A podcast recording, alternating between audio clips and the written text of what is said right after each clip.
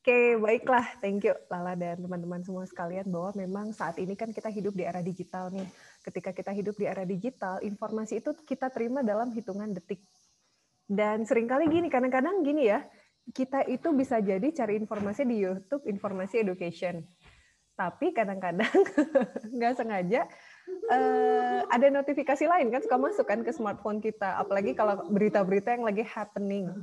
Nah, jadi kalau memang kita lihat, karena kebetulan di sini teman-teman saya mendalami biopsychology. Jadi kenapa sih manusia itu pengen tahu, udah tahu baca itu bikin rungsing, tapi kok malah dibaca? Nah, jadi memang ternyata kalau dari beberapa studi mengatakan anatomi otak manusia ada salah satu part atau bagian yang memang mendorong manusia punya rasa ingin tahu. Nah, bentar nih saya mau tunjukin ya ke teman-teman. Kira-kira kenapa sih uh, aku jadi ingin tahu termasuk kenapa kita pengen tahu mantan jadi kita stalking Padahal stalking mantan bikin sedih ya teh ya. Yo, i, kapan? Tapi kita tetap melakukannya sampai akar-akar bahkan sampai tahu pacarnya. Iya, betul. Bah, bahkan gini ya, saya ketemu dengan beberapa uh, klien yang saya tangani, mereka itu kebetulan laki-laki gitu ya, ada ada ada problem dengan relationship. Dia mereka pada umumnya bilang gini, cewek itu sama kayak FBI katanya. Waduh. sampai tahu mantannya mantan, sahabatnya Bener. mantannya mantan. Hmm. Uh, dahsyat sampai ya. tahu kita, dahsyat banget ya. Dalam semalam bisa berhasil itu. Dan itu bisa ke trace kan, jadi makanya uh, salah satu klien saya ada bilang, kebetulan kan dia memang rada playboy cap M jago kata saya. mantannya banyak, jadi uh, dia bilang, bu bisa tahu, uh, pacar aku yang sekarang bisa tahu aku punya mantan 15. Kamu luar biasa. Aku keep itu, tapi dia tahu gimana caranya itu hebatnya. Nah, jadi memang gini, kalau beberapa studi bilang, kenapa ya manusia itu punya rasa ingin tahu yang besar? Memang nih ada yang di bagian yang namanya ini nih, kombinasi di sekitar frontal lobe ini. Di sebagian otak ini dia ngasih dorongan buat kita bahwa kita itu selalu curious. Curious itu bisa hal positif, bisa hal negatif. Dan biasanya dengan semakin mudah mendapatkan informasi. Jadi kita curious nih, pengen tahu tentang sesuatu. Terus kita cari info, infonya berhasil. Itu mengaktifkan hormon dopamin yang bikin kita nagih deh. Jadi oke, okay, aku cari lagi tentang itu. Itu memang situasi alamiah kita. Jadi kalaupun misalnya aku mau menjaga diriku tetap netral, tetap bagus, tetap kondusif saat ini, aku membatasi diri susah. Karena kan perangkat otaknya memang ada, memang ready. Jadi nggak salah ya. Berarti stalking salah nggak? Nggak juga sih. ya, tinggal apa ya, porsinya aja ya, Teh barangkali. Ya, betul. Jadi manusia dari anatomi alamiah otaknya mendorong manusia tersebut punya rasa ingin tahu. Itu normal. Eh, eh. Tetapi memang gini, sering kali akhir-akhir ini kenapa ya kadang-kadang kalau ada informasi, ada berita yang itu relate dengan kondisi perasaan kita, ya contohnya gini, memang entah apa yang terjadi akhir-akhir ini hal yang bertemakan tadi saya bilang ya dalam 13 tahun saya menangani uh, klien paling banyak tema yang saya hadapi adalah all about love. Jadi ketika misalnya kita sekarang di sosial media ada akun-akun yang berhubungan dengan bagaimana mengatasi kegalauan hati atau mungkin orang-orang dari public figure yang ada kaitannya dengan eh, sesuatu di dalam relationshipnya kita malah kepo gimana nih kelanjutannya katanya kan si istri itunya kan selingkuh tuh oh penasaran nah itu tuh normal sebenarnya punya rasa ingin tahu itu. Kenapa? Karena ini saya tunjukin lagi ya, ada bagian otak yang memang mendorong kita untuk tahu itu. Nah, jadi anatomi otak manusia itu ada midbrain, ada bagian tengah otak nih, teman-teman. Terus ini ada yang hijau nih namanya nih yang kecil nih. Gedenya cuma segede kacang kenari, kecil banget. Ini namanya amigdala. Dia yang selalu memberikan dorongan pada kita untuk memiliki satu perasaan tertentu terhadap informasi yang ada hubungannya dengan kondisi emosi. Apakah stalking mantan pacar juga, atau kita baca gosip atau apa pun, bagian ini terpuaskan. Cuma hati-hati kalau bagian ini menyimpan informasi tentang gosip yang ada kaitannya dengan kehidupan personal orang lain yang sifatnya kadang-kadang mendorong kita buat ngobrolin orang tersebut. Bagian di sini sistem hormonalnya agak terganggu. Kita jadi gampang mood swing, teman-teman. Jadi sebabnya dari sana. Jadi be careful ya dengan informasi. Gitu. Wah, sangat menarik teh ini. Menarik banget. Seperti dijelaskan secara ilmiah. Oh ternyata aku mau iya. swing tuh gara-gara itu gitu. Yes. Jadi memang uh, gini teman-teman sekalian, be careful dengan informasi karena informasi yang masuk ke otak itu dalam hitungan detik itu mengaktifkan hormon yang menunjang uh, otak kita untuk memahami informasi tersebut dan tidak sedikit akhir-akhir ini gini kalau saya ngelihat ya ini tren yang terjadi karena kan uh, sistem video yang dibuat apakah itu di TikTok atau YouTube itu kan monetizing ya makin banyak viewers gitu ya makin banyak subscribers kan makin gede tuh pundi-pundinya dan sering kali konten-kontennya kan dibikin dramatis dan konten dramatis itu menggugah perasaan kita. Nah, si bagian yang hijau tadi yang kena. Jadi mood kita berubah-ubah gampang up and down jadinya. So, be careful tentang hal itu, teman-teman ya.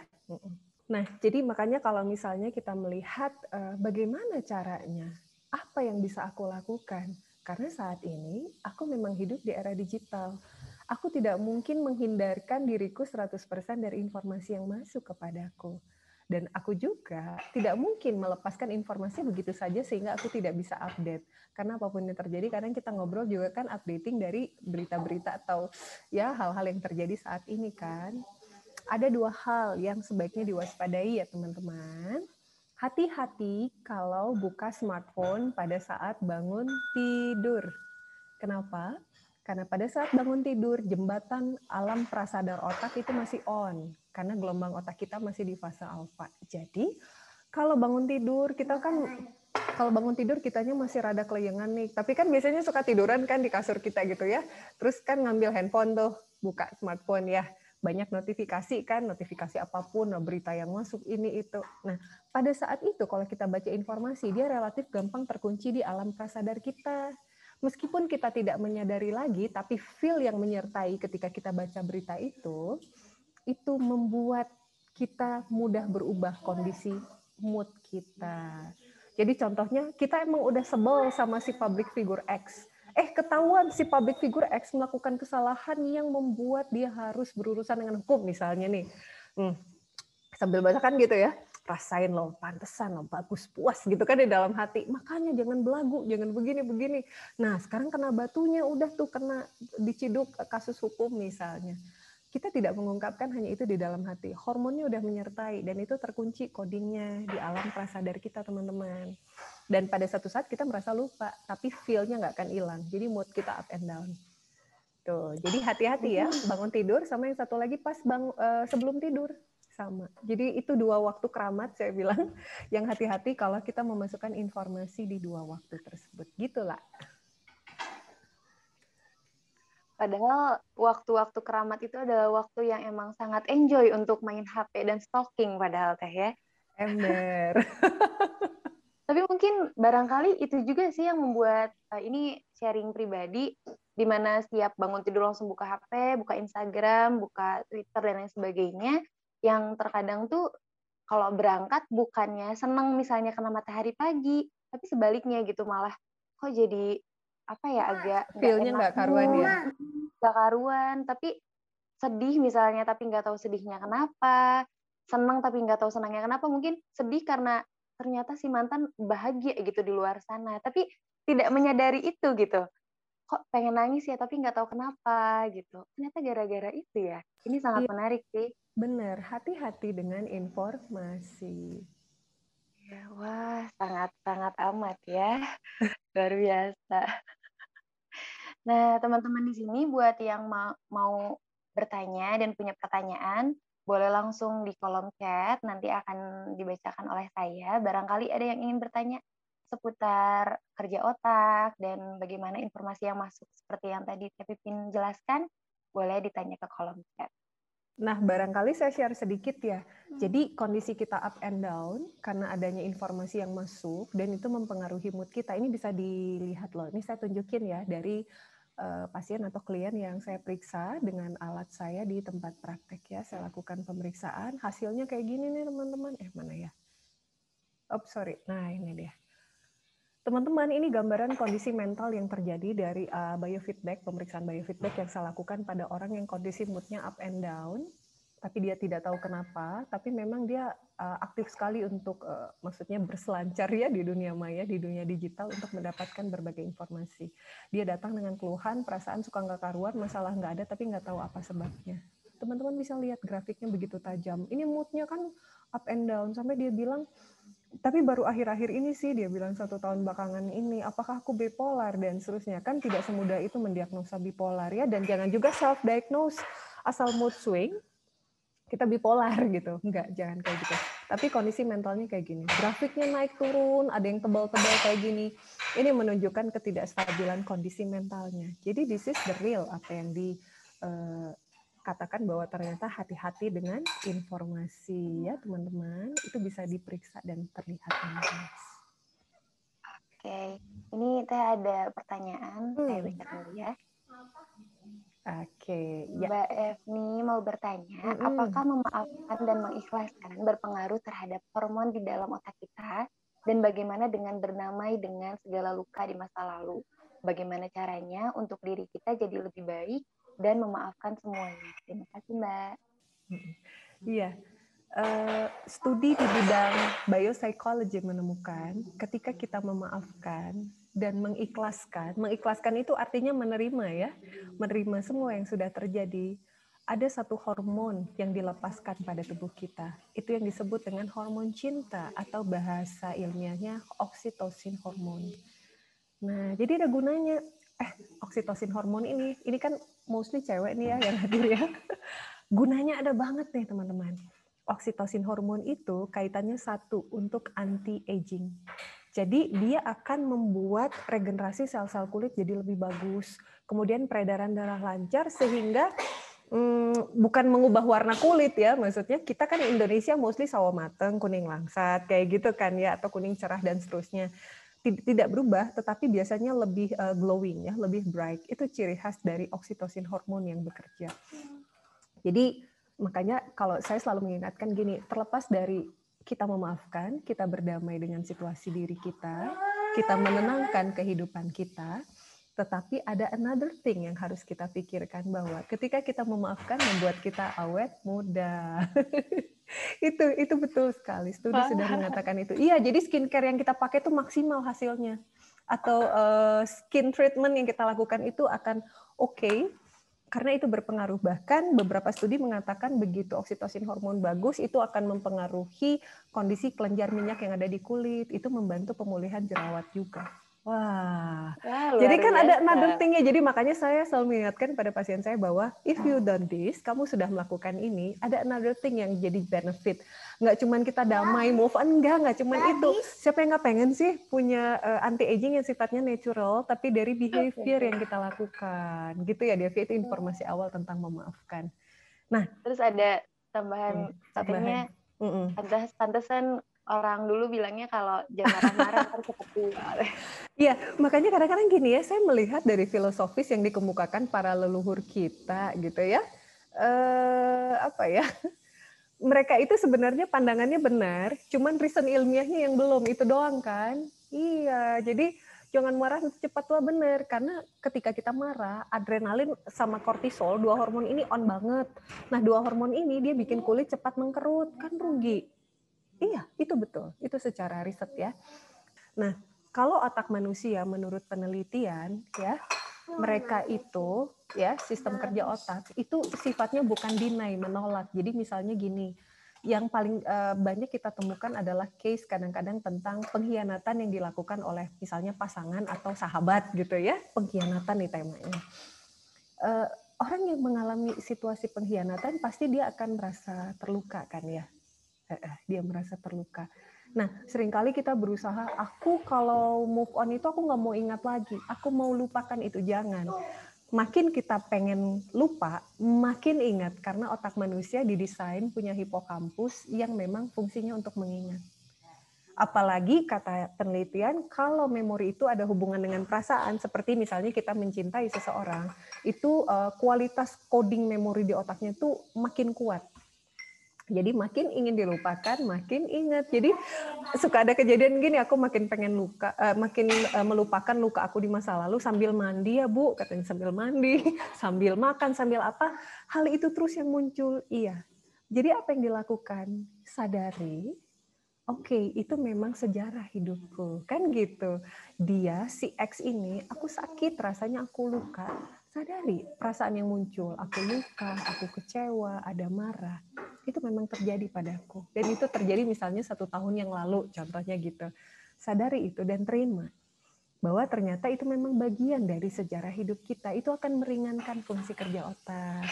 Ya, sadari dan terima. Jadi setiap memori itu muncul, katakan, iya, aku tahu. Aku menerima itu menjadi sejarah hidupku.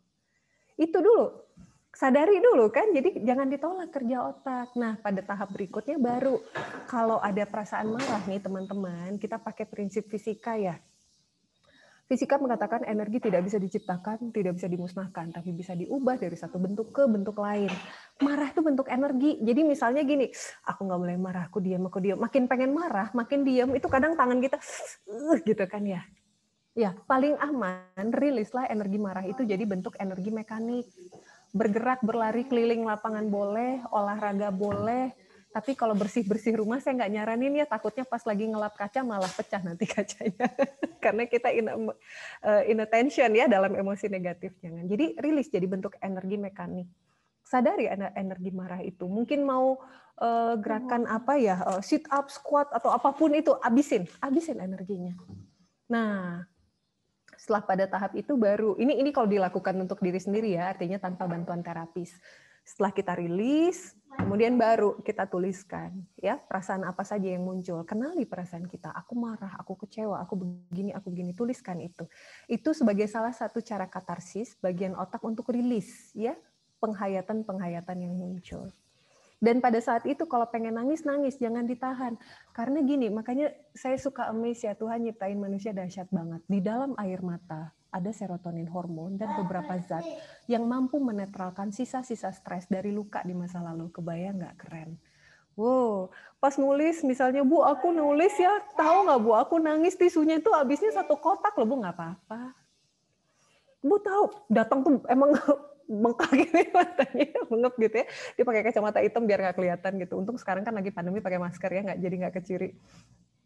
Ya nggak apa-apa saya bilang. Itu bagus itu merilis. Karena itu akan melepaskan semua tension, meringankan kerja otak, dan air mata tadi akan menghapuskan sisa-sisa hormon stres akibat luka di masa lalu.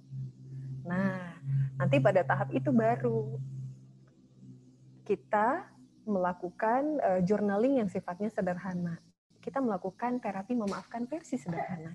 Jadi itu dituliskan, dituliskannya di dua waktu keramat loh ya, yang tadi bangun tidur sama sebelum tidur. Nggak usah lama, 10 menit only, 10 menit aja.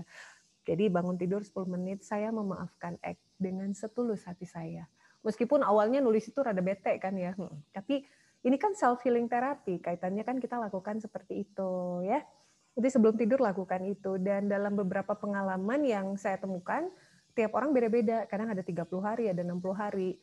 Kodenya adalah kalau kita sudah lebih rilis, lebih memaafkan, kodenya pada saat kita nuliskan itu feel-nya udah nggak ada. Biasa aja. Jadi kayak kita nulis nama, alamat, kan itu netral ya perasaan. Kodenya sih seperti itu. Dan memang kalau diperiksa pakai alat lebih kelihatan. Biasanya kalau ke klien saya meriksa, saya ngeceknya gini. Ini salah satu contoh orang yang udah memaafkan feel-nya kayak gini dia naik ke atas kan? Ini artinya secara mentally dia udah lebih pulih, dia lebih ready, dia siap untuk bertumbuh kembali. Nah, jadi bisa semuanya bisa terbukti secara ilmiah ya. Jadi tapi memang langkah-langkahnya harus dilakukan. Karena ada orang tertentu juga yang saya tangani ketika dia melakukan proses memaafkan natural. Karena kalau saya paling senang ketika kita bertumbuh berkembang kita itu melakukan dengan diri kita sendiri. Saya sangat senang karena jangan sampai kita uh, si klien atau pasien kan tergantung pada terapisnya itu not good ya. Jadi kan kita bantu untuk bertumbuh untuk dia bisa recovery by his atau herself. Ada yang bilang Aku masih ingat sih Bu, katanya waktu itu di hari ke-200, journaling ke-200, pada saat nulis itu ngapain sih nulis ini udah nggak penting lagi, nggak ada rasa. Itu artinya udah move on. Yang grafiknya seperti yang saya tunjukkan barusan teman-teman. Jadi move on itu artinya tidak lupa, tapi feeling kita tentang peristiwa itu udah netral. Itu kodenya. Oke. Tapi Lala jadi mengunderline sesuatu sih Teh, kalau ternyata benar gitu. Kalau mau tidur dan baru bangun itu sebisa mungkin kita menghindari handphone tuh betul ya. Bisa jadi kita ganti dengan tadi journaling um, tentang perasaan kita gitu, tentang apa yang dirasa hari ini, mood kita gitu yang mungkin jadi membuat kita tuh lebih peka terhadap perasaan-perasaan yang kita punya. kadang kan terasa asing banget ya teh sama perasaan sendiri gitu mm-hmm. kayak sendiri pun nggak paham diri ini tuh kenapa gitu mm-hmm.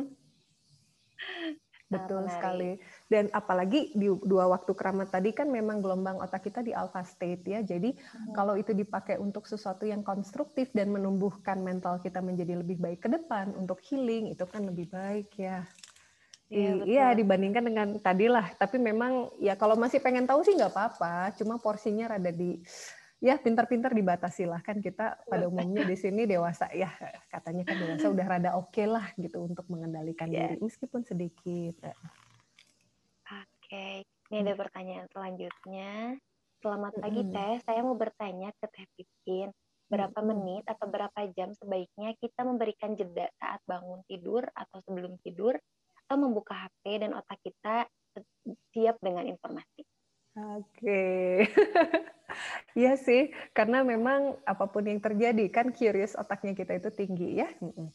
Jadi kalau setelah bangun tidur pada saat buka mata kan biasanya sesuai dengan religi masing-masing yang kita yakini ya. Buat teman-teman Muslim biasanya ada doa bangun tidur ya. Buat teman-teman Nasrani juga pasti ada doa bangun tidurnya juga dan teman-teman dengan berbagai keyakinan lainnya. Jadi uh, lakukanlah itulah seperti biasa ya hal-hal uh, yang memang sifatnya kita nyebutnya habit ya habit yang sudah kita bentuk itu kalau bisa sih berdoa kalau bisa kita pakai kurang lebih di lima menit pertama bangun tidur oke okay? nah setelah berdoa seperti itu jangan langsung berdiri duduk dulu lima menit lagi Kenapa? Karena pada saat tidur gelombang otak kita itu kalau diukur pakai alat frekuensinya 0 sampai 2 doang. Kecil banget. Nah, kita bangun kayak situasi gini, ini frekuensi otak kita 35.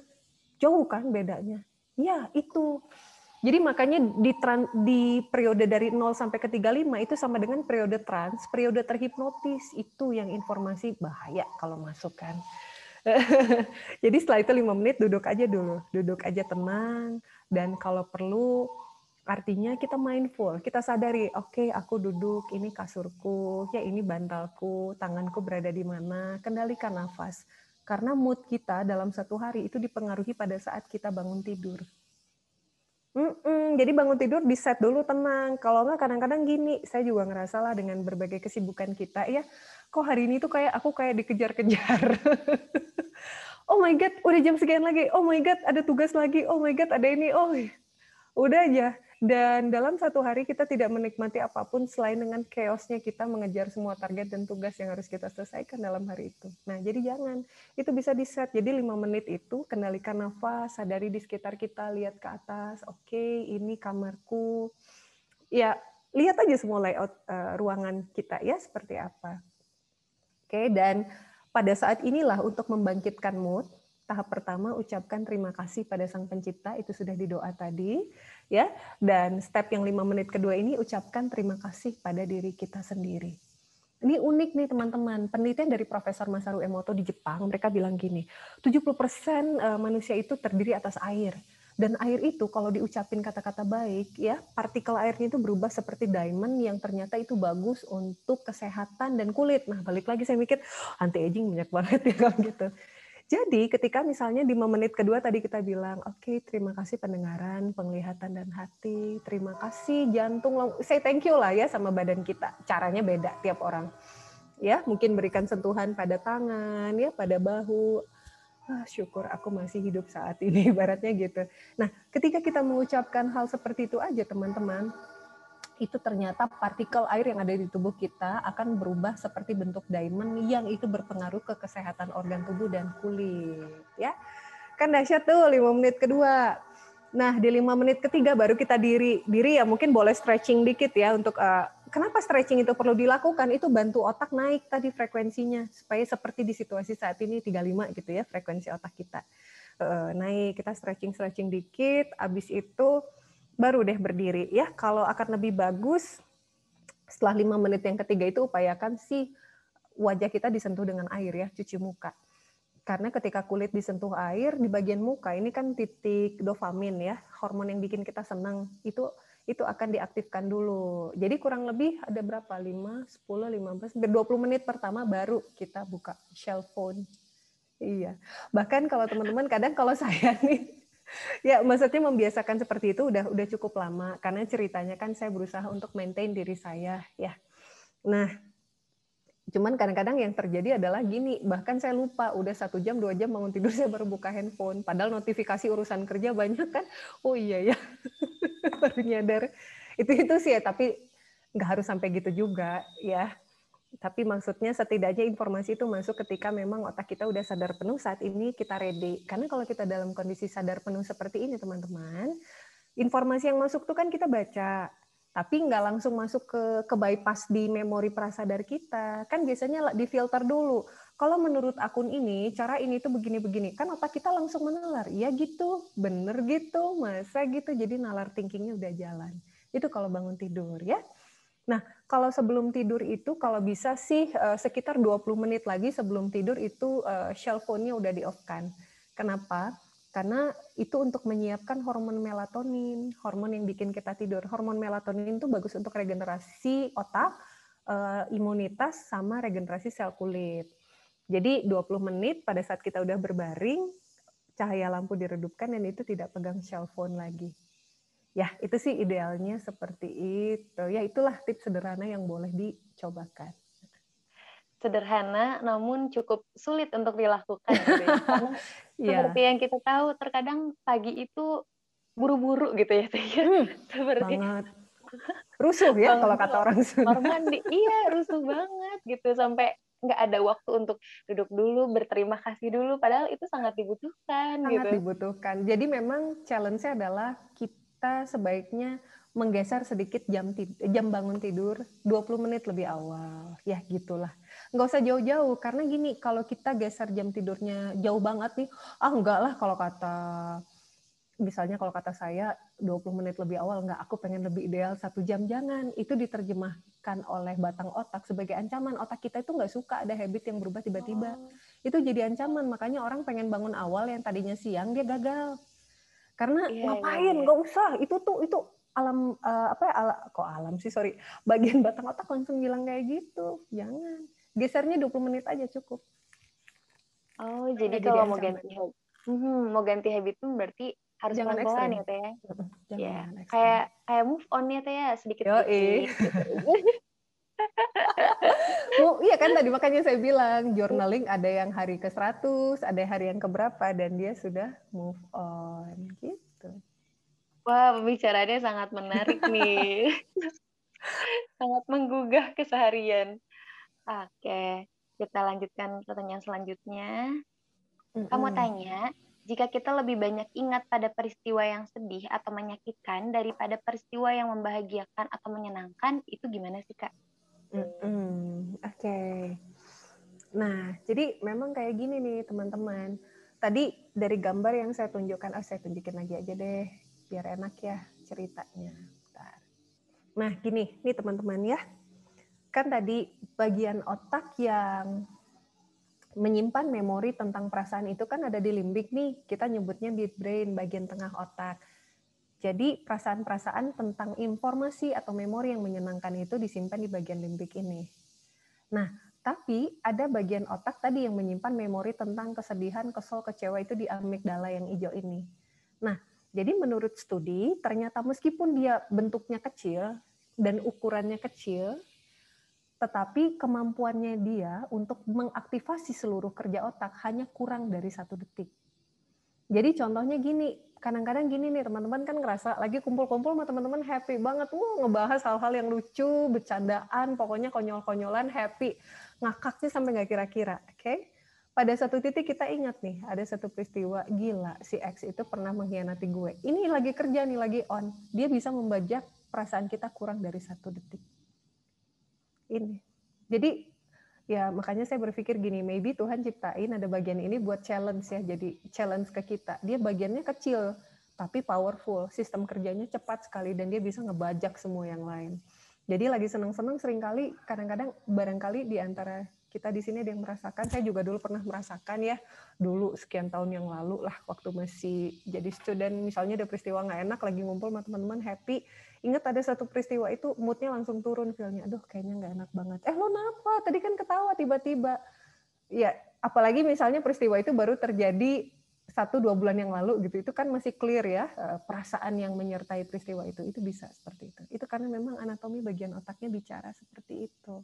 Ya jadi kalau kita kalau kita bisa melihat ya kenapa kadang-kadang orang untuk mengingat peristiwa menyenangkan itu energinya nggak besar tapi uh, apa sorry energinya besar yang dipakai buat mengingat hal-hal yang menyenangkan. Tapi buat hal-hal yang sedih dipancing dikit aja udah langsung mewek gitu ya udah langsung hmm, jadi kenapa sih? gitu. Ya karena memang kekuatan dari anatomi otaknya sudah demikian. Gitu ya. Oke. Wah emang sih kalau masalah yang sedih-sedih tuh rasanya lebih uh lebih gampang gitu untuk Bener. terangsang tubuh tuh makanya coba deh di sini ada yang suka drakor nggak drama Korea suka. Coba coba lihat dramatis nggak kisahnya? Itu makanya saya bilang penulis skrip, sutradaranya jago itu ngedesain. Perasaan kita tuh kayak di set naik turun kan? Iya, iya betul. kayak up and down gitu. Gila ini dahsyat banget gitu. Apa pun lah judulnya ya rata-rata mereka jago. Karena memang bis, uh, hal yang perlu difahami kalau untuk di industri film yang memang betul-betul tadi dia research sebelum bikin skrip ya, sebelum bikin alur cerita mereka paham betul kerja otak itu mood itu kayak gimana dan mereka bisa memainkan itu membuat kita jadi kayak hidupnya di dalam skrip itu kan naskah yeah. itu betul betul setelah nonton drakor keluar rumah tuh pengennya ketemu cowok ganteng yang ngajak kenalan gitu ya. Karena barusan tidak melihatnya kayak gitu kan iya. dan standarnya tidak diperebutkan dua cowok ganteng gitu benar dan uh, saya juga pernah menemukan klien yang dia keluhan dia adalah ini kok aku susah banget menemukan partner yang pas. Akhirnya setelah ditelusuri lebih lanjut, ada satu mindset yang dia baru menyadari. Dia bilang cowok itu perfect kalau kayak Lee Min Ho. Ah ya, akan sulit memang ya Akan, akan sulit ya lah ya. Iya, saya mikir ini dia good looking ya studinya baik karirnya baik. Masa sih nggak ada yang mau? Nggak ada bu. Kayaknya nggak pas aja. Oh iya iyalah standarnya kalau nggak kayak Lee Min Ho nggak usah kenalan gitu lah betul betul. Oke kita lanjutkan. Halo Kak Evni, salam kenal. Sedikit sharing, saya sering mengalami mood swing dan banyak energi negatif. Saya terima. Saya tidak mau menyakiti orang sekitar apabila mood atau energi saya sedang tidak baik, maka saya beri jarak dan menjauh. Namun, karena hal ini sering terjadi, saya menjadi lebih sedikit jauh dari orang sekitar. Bagaimana ya harusnya saya menghadapi hal ini? Oke. Jadi memang pada dasarnya kalau kita bicara tentang transformasi manusia, kita harus bicara tentang transformasi secara utuh. Kenapa? Hmm. Karena manusia itu terdiri atas mind, body, and soul. Ya enggak, berapa banyak terapi cognition yang dilakukan, tapi orang-orang kadang-kadang pulihnya lama. Berapa banyak food terapi yang dilakukan, mood saya masih begini aja. Kan gitu ya. Padahal tadi makanya ada mind, body, and soul. Jadi kalau kondisinya demikian, pertama kali adalah dari sisi the mind. Nah, kita pakai cara yang paling gampang yang kita bicarakan tentang dua waktu keramat tadi aja jadi pada saat bangun tidur dan menjelang tertidur, bacalah informasi-informasi baik yang sifatnya suportif untuk kita. Oke? Okay? Kan cari informasi baik kan sekarang gampang ya, buku-bukunya ada, atau misalnya kita buka dari entah akun atau hal tertentu itu ada.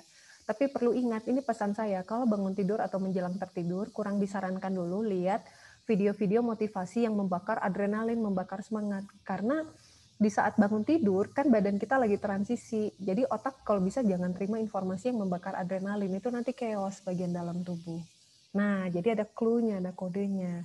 Baca aja informasi-informasi yang membuat kita berpikir positif, membuat kita memandang hidup dengan lebih baik, tapi itu mendinginkan, mendamaikan, menenangkan gitu. Ya, jadi itu kodenya, cari informasi itu. Di dua waktu keramat tadi ya. Nah, kemudian kalau di dari sisi the body, ada hal yang perlu kita perhatikan bahwa ketika kadar konsumsi uh, makanan nabati kurang di tubuh kita, karena misalnya kadang-kadang kan gini, rata-rata kita di era modern sih memang lebih arahnya kan uh, makanannya itu untuk hal-hal yang sifatnya nabati, contohnya berasal dari buah gitu ya, itu kan agak kurang. Karena kebetulan mungkin kadang-kadang ada style makanan tertentu. Rata-rata kadar gula tinggi, kadar hewani tinggi, kadar nabatinya kurang itu berpengaruh loh. Jadi teman-teman kalau ketika kadar buah ya dan kadar sayur agak turun ya nggak harus jadi vegetarian enggak tapi harus ada gitu. Itu biasanya pH tubuh kita asam. Karena memang tadi oh iya pantesan aku lebih banyak makan baksonya dan kalau aku makan bakso juga nggak pakai sayur gitu ya. Kan kadang cewek suka makan bakso misalnya. Eh, bahkan kadang laki pun juga suka gitu ya atau misalnya ya udah aku makan steaknya aja nggak ada saladnya nggak ada sayurnya nggak ada buahnya gitu. Itu itu berpengaruh. Jadi kadar tubuh yang asam membuat kita jadi gampang emosi. Emosinya negatif ya khususnya dalam hal ini. Gampang terpancing. Nah, jadi hati-hati. Terus uh, ada another thing lagi, ada hal lain lagi bahwa sebagian dari dopamin, hormon yang bikin kita senang itu diproduksi di pencernaan. Yang bantu pencernaan itu adalah bakteri baik. Jadi makanan probiotik itu bagus, ya. Yang kalau karena di TV ada iklan produk ya dua kali sehari. Saya nggak boleh sebut merek kan. Tapi anggaplah kita mengkonsumsi makanan probiotik contohnya dari yogurt ya. Yogurt itu kan brand merek sih bebas terserah. Dari siapa aja boleh tetapi itu membantu bakteri baik yang bikin mood kita jadi lebih bagus karena dopamin ya, hormon yang bikin senang diproduksi secara natural. Memang dopamin gampang didapatkan, kadang-kadang bisa dengan resep dari psikiatris ya, dari dokter. Tetapi itu artifisial. Yang paling tidak membuat ada perubahan mendadak adalah tadi yang diboosting secara natural. Nah, belum lagi kalau terkait dengan mood, kalau buat yang laki sih sebatas itu sudah cukup. Kalau perempuan ada satu additional lagi. Perempuan itu punya siklus, punya period ya. Yang bikin kalau lagi PMS bikin status macam-macam lo gue bacok gitu kan. Ekstrimnya kan gitu ya. Suka kan kadang-kadang bercanda-bercandaan, tapi memang rada sensi kan kita rada baper kalau in a, in a PMS period. Jadi kalau buat uh, teman-teman yang cewek di sini tambahkan lagi untuk dari sisi the body dari sisi the body, tambahkan nutrisi susu yang berasal dari kacang-kacangan. Boleh kacang almond, boleh kacang kedelai. Itu membantu hormon estrogen kamu semua. Ya, jadi hormon estrogen stabil, perempuan nggak gampang baper loh, nggak gampang up and down. Ya, dan kalau misalnya buat teman-teman yang cinta olahraga, kalau bisa sih upayakan jangan over, karena ketika olahraganya rada berat, yang keluar hormon adrenalin. Justru uh, dokter Siga Hariyama dari Jepang, dia melakukan studi, studi menurut dokter ini katanya kalau seandainya kamu pengen hormon endorfin, hormon kebahagiaan, olahraganya itu ringan dan santai. Gitu ya. Jadi uh, dari sisi the body ada treatment-treatment simpel juga yang bisa kita lakukan. Kalau dari sisi the soul, beberapa kajian di bidang behavioral medicine yang dilakukan oleh orang-orang neuroscience mereka menemukan buat orang-orang yang meluangkan waktu satu hari melakukan minimal satu kebaikan, ternyata di dalam mereka diukur kadar hormon kebahagiaan ya, hormon endorfinnya sama hormon kortisol, hormon stresnya.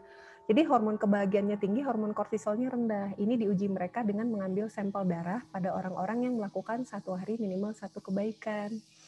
Apa saja itu kebaikan yang bisa kita lakukan? Bebas kalau pengen giving dalam bentuk charity, oke okay deh, aku mau donasi amal karena katanya di sana ada panti asuhan. That's fine. Kebaikan lain lagi yang bisa dilakukan adalah contohnya misalnya gini, hmm, sahabat aku pengen curhat, oke deh, aku luangin waktu aku satu jam untuk mendengarkan dia. Nah itu juga kebaikan, artinya kita giving kan, kita bersedekah, tapi sedekahnya waktu. Hmm, ada lagi, misalnya teman kuliah, eh eh nih nih ajarin gue lah gue nggak ngerti misalnya gitu. Oh ya udah mana mana sini gue ajarin. Itu artinya sedekah ilmu itu kebaikan juga. So apa pun yang bisa kita lakukan yang sifatnya giving memberi sesuai dengan kemampuan kita itu ternyata akan merangsang dua hormon tadi ya. Eh, hormon kortisol hormon stresnya rendah hormon endorfinnya tinggi Nah, jadi itu sih langkah yang bisa kita lakukan ya buat Nana. Jadi dari sisi the mind, dari sisi the body, and dari sisi the soul. Gitu. Wah, ternyata emang berarti benar ya menjaga makanan itu sedalam itu gitu. Artinya, yeah, dalam betul. itu sedahsyat itu dampaknya gitu. Mm -mm. Karena selama ini Lala kira tuh cuman sekedar ya kalau mau sehat makannya dijaga gitu. Cuman mm. secara physically doang. Mm. Dan ternyata ada Wah, mental health juga ya iya hmm. wah sangat menarik banget ini jadi semakin apa ya punya reason yang lebih pasti gitu buat mengatur makanan menjaga makan apa yang dimakan mengurangi bakso dan seblak gitu ya barangkali. iya, dan gini hati-hati juga untuk sering kali kan kalau kita lagi bad mood, tubuh mendorong kita untuk makan makanan yang manis ya. Ya. Aku pengen yang manis-manis nih. Nah, mau kopi manis ya, kopi dimanisin juga kan, mau makanan yang dimanisin, iya. Karena memang makanan manis itu menaikkan mood kita karena dia merangsang aktivitas otak dan uh, hormon. Tetapi kalau kebetulan yang kita makan banyak manisnya, itu mood kita gampang mood swing loh. Jadi hati-hati dengan makanan manis. Kecuali manisnya yang alamiah berasal dari buah. Contoh makan apel udah manis, makan semangka udah manis, that fine. Tapi kalau manisnya artifisial, hati-hati. Ya, jangan sampai over. Bukan urusan diabetes aja, ini urusannya mood. Sangat keseharian ya mood. iya. Aku butuh minum yang manis-manis. Kenapa abis ngerjain kuis sama tugas? Ah gitu ya. Terus udah udah makan yang manis aduh pengen yang pedes gitu. Itu lagi mancing adrenalin biasanya kayak gitu tuh. Iya benar itu itu otak. Jadi kita tuh pengen makan apa tubuh kita lagi mancing sesuatu yang ada di di diri kita. Dan kalau kita bisa kontrol itu biasanya moodnya relatif lebih stabil. Hmm, tapi nggak apa-apa kan teh ketika misalnya badan itu lagi pengen yang manis tapi kita berusaha untuk jangan diikutin dulu deh gitu. Apakah itu baik? Nggak apa-apa, dengan catatan porsinya nggak berlebihan itu aja. Contoh aku pengen yang manis, aku cari donat manis deh gitu ya. Nggak apa-apa, mungkin makan satu sampai dua. Tapi kalau makannya lima, nah itu ada sesuatu. Okay, okay, okay. iya, udah udah makan donatnya manis lima, ditambah lagi eh kopinya eh, espresso atau apa yang manis juga gitu. Ya, udah juga, betul, betul. over. Jangan lupa Thai-nya mungkin ya. Oh, iya. Oke, wah sangat menarik. Ini bisa bisa dipraktikkan ke dalam keseharian langsung iya. gitu saat ini juga. Benar. Wow, biasa. Kan, karena memang gini, kalau prinsip saya teman-teman, ketika berbagi info jangan yang berat, nanti yang ngedengerin makin frustrasi. uh, you can keep your mental health. Oke, okay, let's do the meditation. Oh my God, boro-boro aku bisa meditasi, meditasi mbak katanya gitu pikiran yeah, aku yeah, aja yeah. melayang-layang katanya. Jadi yang simpel-simpel aja dulu. Kalau rutin dilakukan itu pun benefitnya ada ya. Wah luar biasa. Oke kita lanjut ke pertanyaan selanjutnya. Mm -hmm. Mau nanya teh, banyak menelan informasi sering bikin insecure terhadap diri sendiri. Bagaimana menyembuhkan rasa insecure ini dan memilah informasi agar mental bisa tetap seimbang. Terima kasih. Oke, okay. ya. ya. Ini adalah common problem yang ditemukan kita di era digital. Ya, kenapa? Karena sering kali kan kita gini, aku tuh sebenarnya ya cari info tuh cuma pengen tahu aja, update perkembangan saat ini. Tapi apakah betul otak kita tidak melakukan comparison dengan informasi itu? Aduh gila, dia umur segitu pencapaiannya udah segitu, oh my god, bulanan dia udah punya take home pay berapa, sedangkan aku gitu ya. itu sering kali kadang bikin kita panik. Kenapa? Karena memang otak manusia itu didesain untuk menganalisa kan. Iya, jadi bersyukurlah kalau kita masih informasi masuk, kita analisa, kita mikir, ada dibanding-bandingin bersyukur. Artinya kondisi natural alamiah otak kita masih jalan. Terus uh, gimana rasanya ya supaya biar nggak insecure? Nah sekarang balik lagi ya, caranya adalah gini, supaya kita tidak insecure, baca informasi dari berbagai tokoh yang inspiratif di dunia tentang perjalanan hidup mereka. Ya, karena orang-orang sukses di dunia pun tidak ada peristiwa hidupnya yang tidak berdarah-darah. Ya, paling ekstrim lah, paling di antara sekian banyak biografi tokoh yang saya baca, salah satunya Kolonel Sanders, itu yang paling klasik, ya. ya produknya kan karena kita nikmati sampai sekarang KFC ya. Dia pertama kali resepnya diterima sampai bisa jadi franchise di umur 60 tahun. Padahal dia bikin resep itu dari dia muda. Nggak ada yang mau nerima. Siapa yang mau beli ayam goreng lu? Apa? Nyaman resep gini doang kalau bahasa kita gitu. Kebayang nggak kalau kalau saya pun ya sebagai manusia biasa gila aja gue kalau udah kayak gitu 20 kali, 30 kali ditolak udah deh gua gua off aja lah patah hati kan kita pakai logika manusia biasa gitu. Tetapi kenapa ketika maksudnya ketika sang founder sudah pass away, udah nggak ada, produknya masih ada sampai saat ini, brandnya masih jalan. Karena tadi bahwa satu hal yang bisa kita lihat ditolak itu sih wajar, ada kecewa wajar ya, ada hal itu wajar. Tapi ternyata Tuhan menciptakan timeline yang berbeda-beda pada setiap manusia. Makanya kadang-kadang ada juga yang berpikir bahwa aku pengen begini, pengen begitu. Jadi bikin kita insecure sebenarnya adalah tadi ketika kita melihat bahwa kita menanamkan di otak kita, kita bikin perencanaan, bikin target hidup. Itu yang pada umumnya bikin insecure. Dari yang saya temukan ya, ketika saya nulis buku Quarter Life Crisis, kan saya survei ke 100 anak muda. Jadi kan saya nulis bukunya enggak, udah deh gue tulis aja opini gue. Enggak, itu tuh saya tulis, saya survei dulu apa keluhan mereka, apa penghayatan mereka. Yang terjadi yang saya ketemukan yaitu, hmm, dia baca nih kisah-kisah ideal ya, eh, pembelajaran-pembelajaran tentang motivasi hidup, tentang merencanakan masa depan. Dia bikin standar, gue merit umur segini, pencapaian karir aku begini, kalau aku kuliah nanti nilai IPK aku sekian. Terus kalau punya pasangan, pasangan standarnya gini. Itu kan semuanya udah lihat kan ya dari dari data dan fakta yang terjadi yang bisa dilihat dengan mudah secara digital. Dan akhirnya tanpa disadari meskipun kita nggak bikin kayak dalam plan di dalam di atas kertas itu tuh plannya itu ada di dalam peta otak ternyata Oke, nilai lulus sekian, nanti kerja perusahaannya segini, ya nanti gaji aku begini, posisinya begini, pasangan begini, nanti punya anak begini, karir masa depan begini, umur 40 tahun pengen pensiun, eh, secara finansial sudah mapan. Itu kadang-kadang tanpa disadari, hati-hati. Ketika baca informasi, kita tanpa sadar bikin peta otak, itu sama dengan kita bikin kode, bikin program ke alam bawah sadar kita.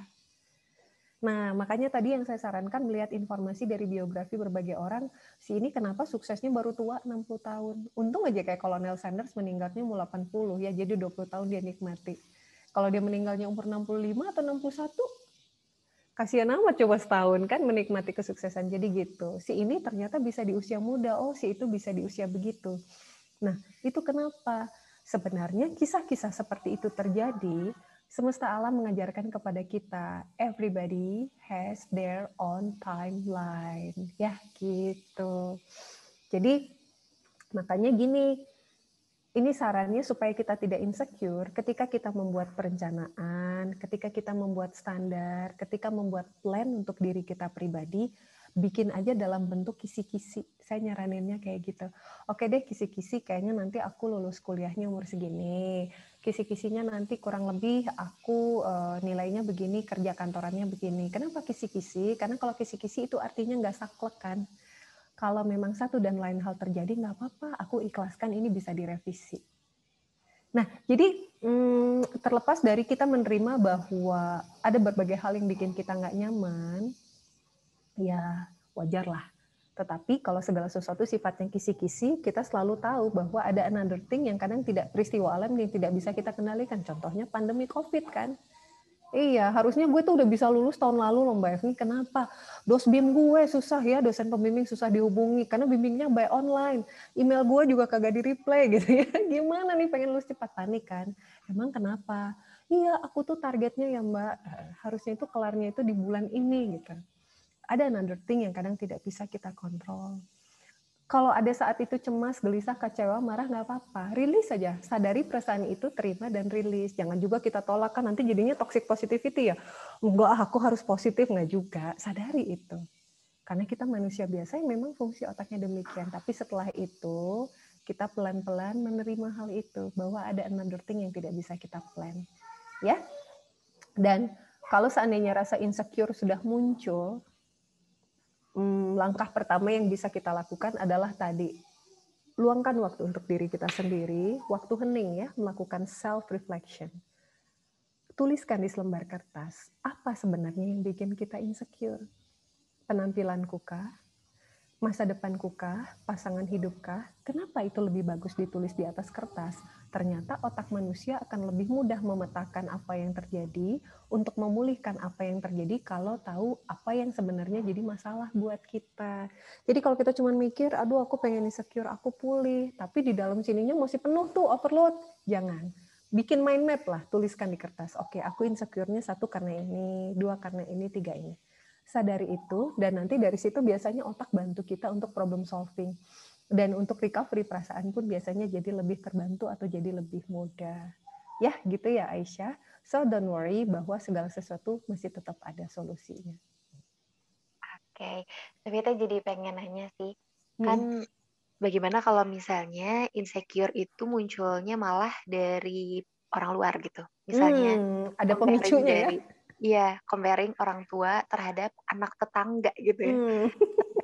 Baca kan di Twitter ada yang hmm, bilang hmm, hmm. apa tuh?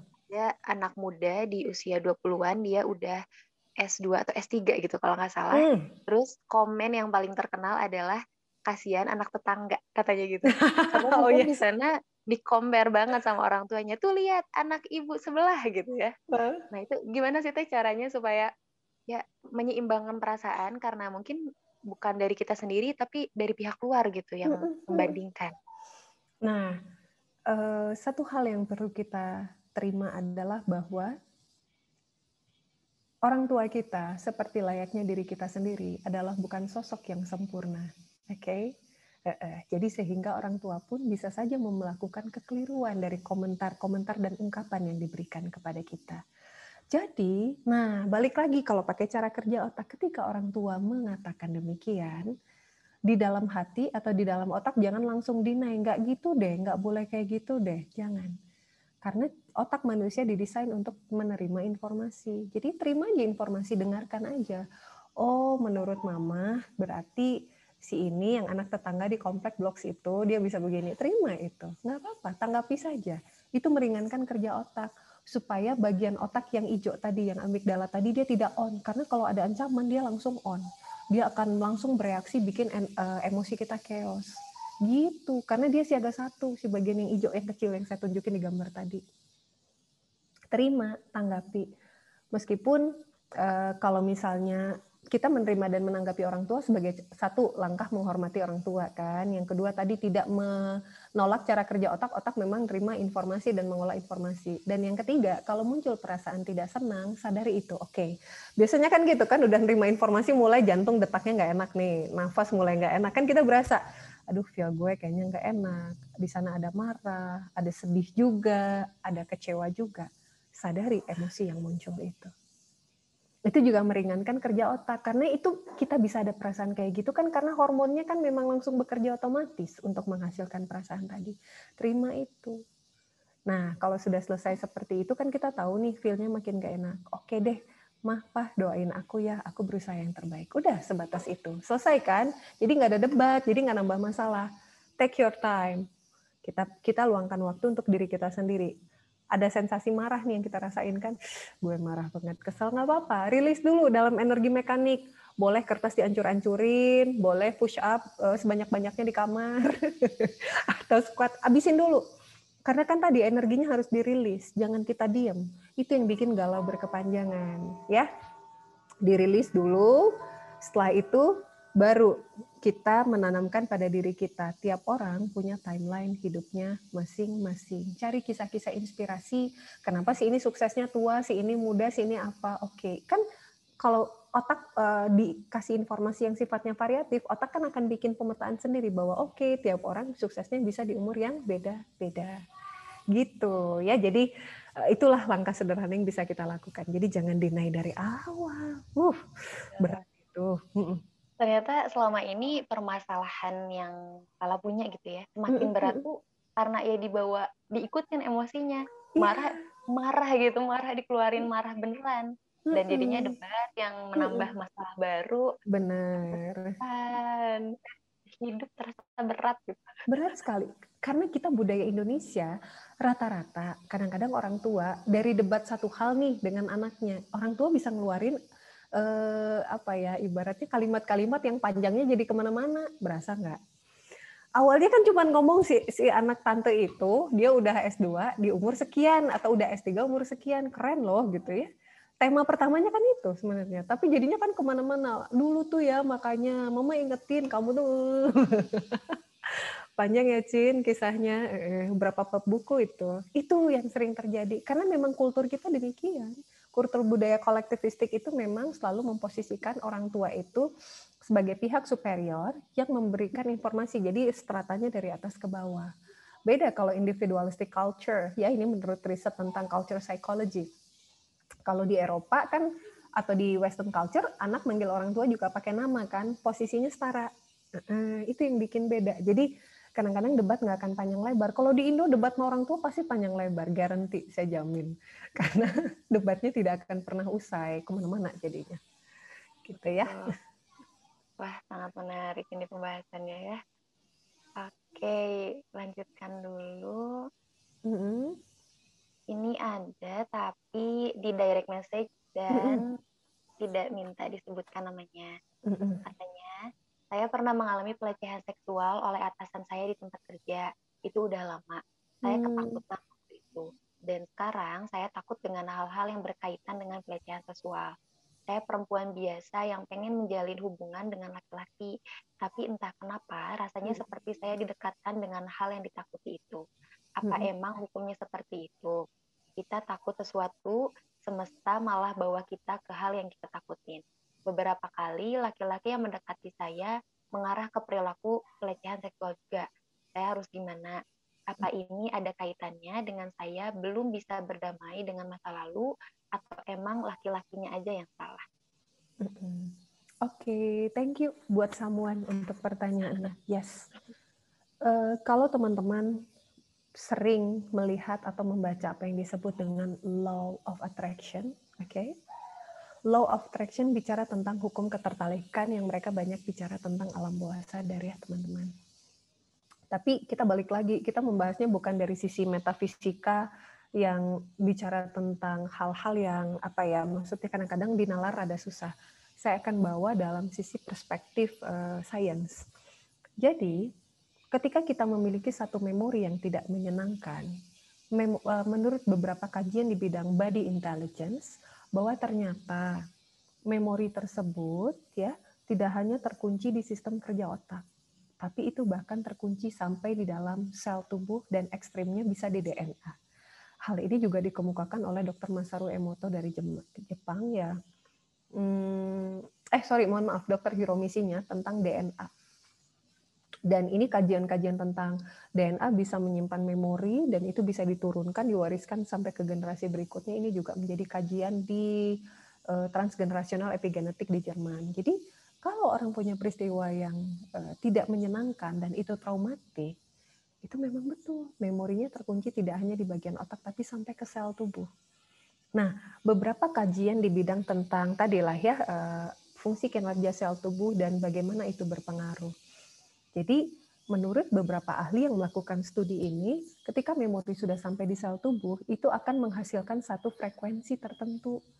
Kenapa? Karena, karena sel tubuh manusia bisa menghasilkan frekuensi listrik. Ya, jadi listrik itu kan ada voltase ya, 1, 2, 3, 4, 5. Nah, jadi anggaplah tadi uh, kita analogikan ya biar gampang, peristiwa yang tidak menyenangkan tentang pelecehan tadi itu frekuensinya adalah 5 misalnya itu terkunci di sel tubuh kita. Jadi sel tubuh kita menghasilkan energi listrik seperti itu. Nah, ternyata frekuensi tadi selaras dengan frekuensi orang-orang yang dalam tanda kutip kerap untuk melakukan hal-hal yang sifatnya sexual abuse. Nah, frekuensi yang sama tadi yang kalau dia ketemu dia kayak hukum tarik menarik. Dan itu kalau mereka kalau di Indo sih riset tentang ini nggak terlalu ya eh, hampir nggak ada sih di luar mereka membuktikan itu sampai pakai pengukur alat frekuensi listrik tubuh. Itu secara fisika itu diteliti dan itu secara sains. Jadi orang ya seorang wanita yang punya trauma tentang sexual abuse kemudian ada laki-laki nyebutnya bahasa ekstrim mohon maaf kita nyebutnya predator ya. Nah, ya mohon maaf lah itu bahasa rada ekstrimnya itu. Diukur frekuensinya ternyata sama. Meskipun kita bukan predator tapi ketakutan itu seperti seolah-olah menyamakan frekuensi. Nah jadi makanya ketika ada peristiwa seperti itu mereka melakukan hal-hal yang sifatnya untuk perbaikan mental health. Jadi tahu bukan bukan artinya si orang ini tidak mungkin mendapatkan pasangan yang baik, orang yang peduli dengan dia, yang menghormati hak asasi manusia, ya. Bukan berarti tidak mungkin dia ketemu dengan orang seperti itu, tetapi ya ada tetapinya ketika trauma dia sudah dipulihkan, dia memandang laki-laki secara netral. Ya, itu kan memang butuh professional help ya. Eh, dia memandang laki-laki secara netral bahwa peristiwa itu sifatnya spesifik yang dilakukan oleh Mr. X saja, tidak oleh another people. Mereka dipulihkan. Dan memang sih psikoterapi untuk membantu recovery mental itu butuh waktu minimal enam bulan kalau dalam beberapa studi. Dan itu intens, once until twice in a week dia uh, dia dapat professional help. Dan ketika itu sudah pulih, ya. Dia dia kan akhirnya uh, melakukan aktivitas normal kembali kan. Ibaratnya berkarya mau bekerja ya atau masih studi atau apa pun itu. Dan itu akan membuat dia lebih ringan dalam memandang orang-orang atau laki-laki yang akan menjadi pasangannya.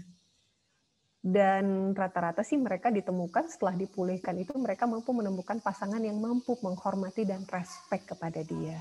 Ya jadi itu jadi law of attraction akan terjadi kalau frekuensinya masih sama. Kenapa frekuensinya sama? Aku tidak melakukan kejahatan seperti yang dilakukan orang itu. Tetapi memori tentang kejahatan itu membuat frekuensinya selaras. Ya, jadi seperti kayak hukum tarik menarik gitu deh. Kalau kajiannya yang saya baca sih seperti itu karena kan kalau kayak di Amerika kan memang ada PhD for Faculty of Metaphysics mereka riset kaitannya ada hukum fisikanya dengan alat-alat uh, teknologi sainsnya itu bisa terukur ternyata. Ya, jadi pulihkan dulu ya itu. Sangat menarik. Berarti bisa jadi ke hal-hal simpel pun demikian ya Teh? Ya. Kayak misalnya um, ada rasa takut diselingkuhi gitu, hmm. pengalaman. Jadi sama frekuensinya ketemu sama orang yang tukang selingkuh barangkali. Betul, betul sekali lah. Saya ketemu juga pada klien-klien yang saya tangani seperti itu. Ya, jadi artinya ada satu orang yang apa ya? Hmm, memang gini nih, uh, ekstrimnya dia dia beberapa kali pacaran bahkan sempat sampai tunangan selalu diselingkuhin sampai pada satu titik dia memutuskan aku tidak butuh pendamping hidup. Tapi kan kita budaya kolektivistik ya yang yang khawatir kan pasti orang tua dan keluarga besar kapan lagi berkeluarga? Ayolah cari pasangan. Kamu udah kerja sekian lama masa nggak ini? Kan dia stres ya digituin. Tapi dia bilang tiga kali saya eh, satu kali tunangan dua kali pacaran eh, dalam kurun waktu cukup lama tapi ternyata dia selalu ada another people ada orang wanita lain gitu Ya, berarti kan ada something tentang uh, limiting belief, subconscious mind-nya yang harus kita beresin gitu. Berarti kalau masalah hubungan, benar kita harus menyelesaikan dulu permasalahan sendiri, bernamai dulu sama apa yang sudah terjadi sebelum bertemu dengan orang selanjutnya. Betul sekali ya, karena gini pasangan baru kita itu kan nggak punya tanggung jawab untuk menyelesaikan chapter masa lalu kita kan ya. Iya. Kan Betul. beginning the new thing ya dengan yang baru. Betul. Itulah. Kadang kan orang nyari pasangan itu malah untuk memulihkan hati. Iya, memulihkan. kasihan, kasihannya kedua-duanya. Si pasangan barunya ngerasa itu jadi beban ke yang lamanya itu, jadi dia frustrasi kalau kebetulan pasangan barunya tidak memenuhi ekspektasi, kan kasihan jadinya. Iya, kasihan dua-duanya. Jadi biarkan masa lalu itu menjadi chapter perjalanan dan sejarah hidup yang kita pulihkan dan kemudian kita bikin closing ending ya, bab akhir penutupnya kayak apa. Setelah itu kan tamat tuh kisahnya. Berarti kan benar kalau dengan yang baru ini kita buka lagi buku yang baru. Buku yang itu sih cukup jadi kenang-kenangan di perpustakaan pribadi kita gitu. Itu kalau idealnya sih. Tapi kenyataannya memang berat. Iya. Ini untuk kita para yang belum menikah dan akan hmm. barangkali ya bisa menjadi catatan penting ini ya. Hmm. iya, karena memang gini, hmm, bahwa ketika kita menyelesaikan hal-hal yang menjadi chapter masa lalu kita, itu meringankan otak kita dan tubuh kita dalam beradaptasi dengan orang baru yang menjadi pasangan kita. Gitu. Karena kan adaptasi karakter itu butuh proses ya kayak saya juga misalnya sudah kurang lebih hampir 12 tahun berkeluarga. Ya apa pun yang terjadi mau udah di atas 10 tahun tetap aja ada beberapa hal yang tidak sama kan tetap ada hal-hal yang harus diselaraskan gitu tetap sih. Jadi jangan sampai energi energi kita habis tersedot oleh chapter masa lalu yang belum kelar gitu. Jadi mending energinya dipakai buat adaptasi yang saat ini. Itu itu akan lebih meringankan dalam proses adaptasi. Oke, wah terima kasih Teh Pipi, insightful sekali pembahasannya. Ya, sharing pengalaman pribadi. iya kan, everybody has their own path ya. Iya, betul betul. Pasti beresin aja dulu. Oke, nah mungkin ini menjadi pertanyaan terakhir. Mm -hmm. Assalamualaikum warahmatullahi Halo Kalala dan PF nih. kalau mengolah rasa pada diri ketika beradu argumen dengan suami, ketika banyak kerjaan anak dan tugas mengurusi anak atau sedang burnout, gimana cara mengolah rasanya gitu? Terima kasih. Oke, ya benar-benar.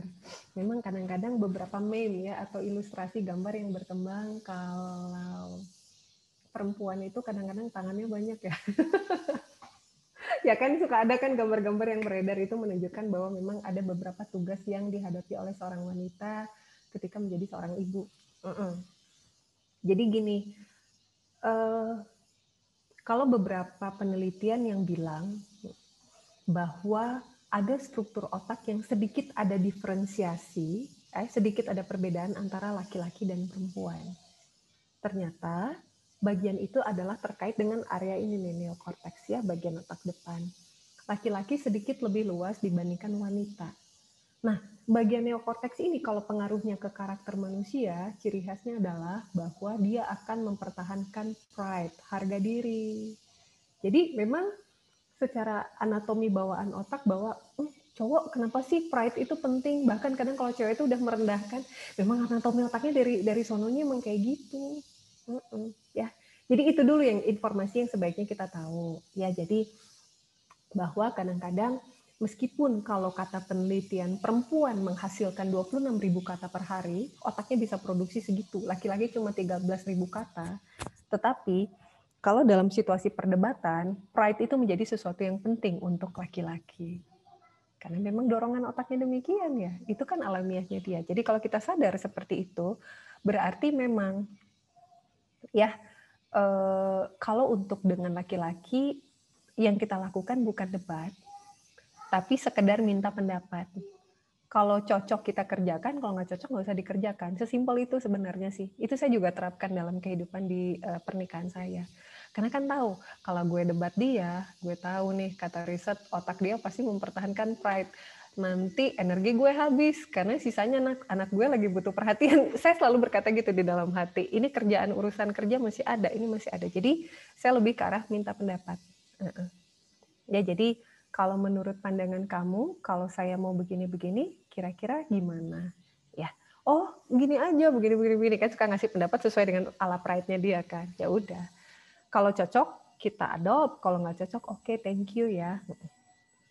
Jadi makanya memang adu argumen, apalagi kalau misalnya untuk di dalam pasangan suami istri yang sudah menikah itu kan udah bebas tuh, karena kan satu sama lain udah ada komitmen pernikahan kan, jadi udah bebas, sebebas-bebasnya adu argumen. Itu kisahnya akan lebih panjang dan sering kali endingnya adalah dua-duanya akan terpancing pada situasi yang tegang, stres, dan ujung-ujungnya perempuannya nangisnya lama dan pada saat perempuan nangis, pada umumnya kadang perempuan bilang, lu ngertiin gue dong, bujuk gue. Boro-boro, kagak. Cowok ketika under pressure, under stress, dia ciri khasnya dia kabur, emang withdraw laki-laki. Otaknya emang begitu sistemnya. Jadi laki stres, lagi apa, dia butuh waktu untuk sendiri. Boro-boro untuk, eh kamu marah ya, sedih ya karena boro-boro. Itu kadang-kadang hal-hal sederhana seperti itu yang jadi sumber berantem ya. Jadi makanya mengolah rasanya adalah tadi bahwa kalau ada pendapat yang kurang sesuai ya ya sudah. Kita, sadari itu bahwa itu memang bagian dari pandangan atau mindsetnya dia. Hindari debat ya karena energi yang dimiliki oleh wanita itu harus dialokasi pada beberapa hal. Karena kan kalau pada budaya kita collectivistic culture urusan anak anak sekolah sekolah dari rumah ibu ya kan? Urusan galon habis ibu juga ya maksudnya perempuan gitu karena memang itu udah sudah menjadi budaya tetapi jangan salah karena Tuhan juga merahmati manusia dengan kromosom XX pada perempuan kromosom X itu daya tahan tubuhnya lebih bagus eh, toleransi stresnya lebih kuat jadi kalau perempuan itu biasanya stres itu cuma sampai di gangguan kecemasan banyaknya, neurotik neurotik dikit. Tapi justru penelitian yang menemukan bahwa ternyata kalau pada schizofren yang mohon maaf bahasa umumnya gila, ya itu lebih banyak pada laki. Karena mereka kalau udah drop kromosom Y udah drop banget, udah. Ya jadi eh, itu informasi tentang perangkat yang sudah Tuhan siapkan untuk kita. So apa pun yang terjadi, mengolah rasa yang perlu kita lakukan intinya adalah tadi ya menghindari untuk mendebat tetapi dengarkan dan terima karena memang dorongan otaknya demikian. Itu kenapa yang jadi uh, ibu itu adalah perempuan karena dorongan otak wanita itu tidak selalu pride ya, tetapi feeling dan rasa. Gitu, Gita. Oh, luar biasa. Terima kasih, Teh Jadi banyak ini, oh pantesan, oh pantesan gitu. ya pacaran aja coba lah, pacaran juga debat sama aja kan ya. Betul banget ya, nggak nggak pernah beres gitu masalahnya kalau pakai iya. Bahkan kadang-kadang ceritanya pengen dinner ya, pengen ada chemistry, ada situasi yang menyenangkan, habis debat film makan juga nggak enak ya. Betul, betul. Wah, terima kasih banyak TF atas penjelasannya. Oke, tadi pertanyaan dari kita merupakan penutup, pertanyaan penutup untuk kelas mindfulness hari ini. Mungkin barangkali sebelum kita tutup, um, boleh minta closing statement dari Teh Pipin dulu nih mengenai keseimbangan. Keseimbangan, oke. Okay. Teman-temanku, sahabatku yang hadir dalam kesempatan kali ini, semesta alam itu diciptakan melalui proses. Demikian juga dengan kita. Kita pun tercipta melalui proses ketika kita berada di dalam rahim ibu kita. Apa pun yang terjadi, apa pun yang kita hadapi dalam kehidupan ini, nikmati dan terimalah. Karena memang segala sesuatu akan terwujud tepat pada waktunya. Itu pesan buat teman-teman semua.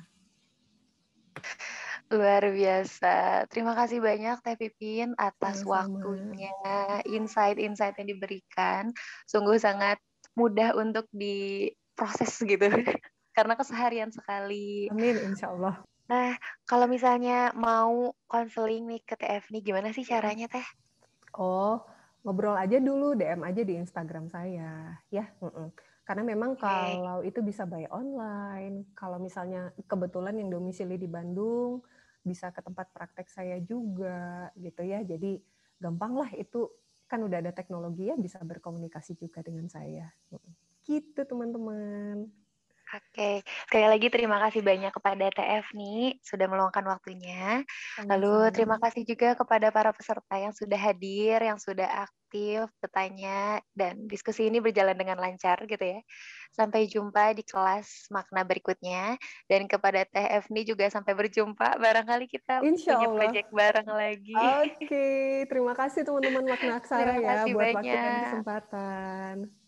Ya, Teteh. Oke, kalau begitu saya Lala sebagai moderator, saya tutup kelas ini. Terima kasih banyak. Wassalamualaikum warahmatullahi wabarakatuh. Waalaikumsalam. Bye, bye, bye. See you. ya, Teteh. Sami-sami. Terima kasih.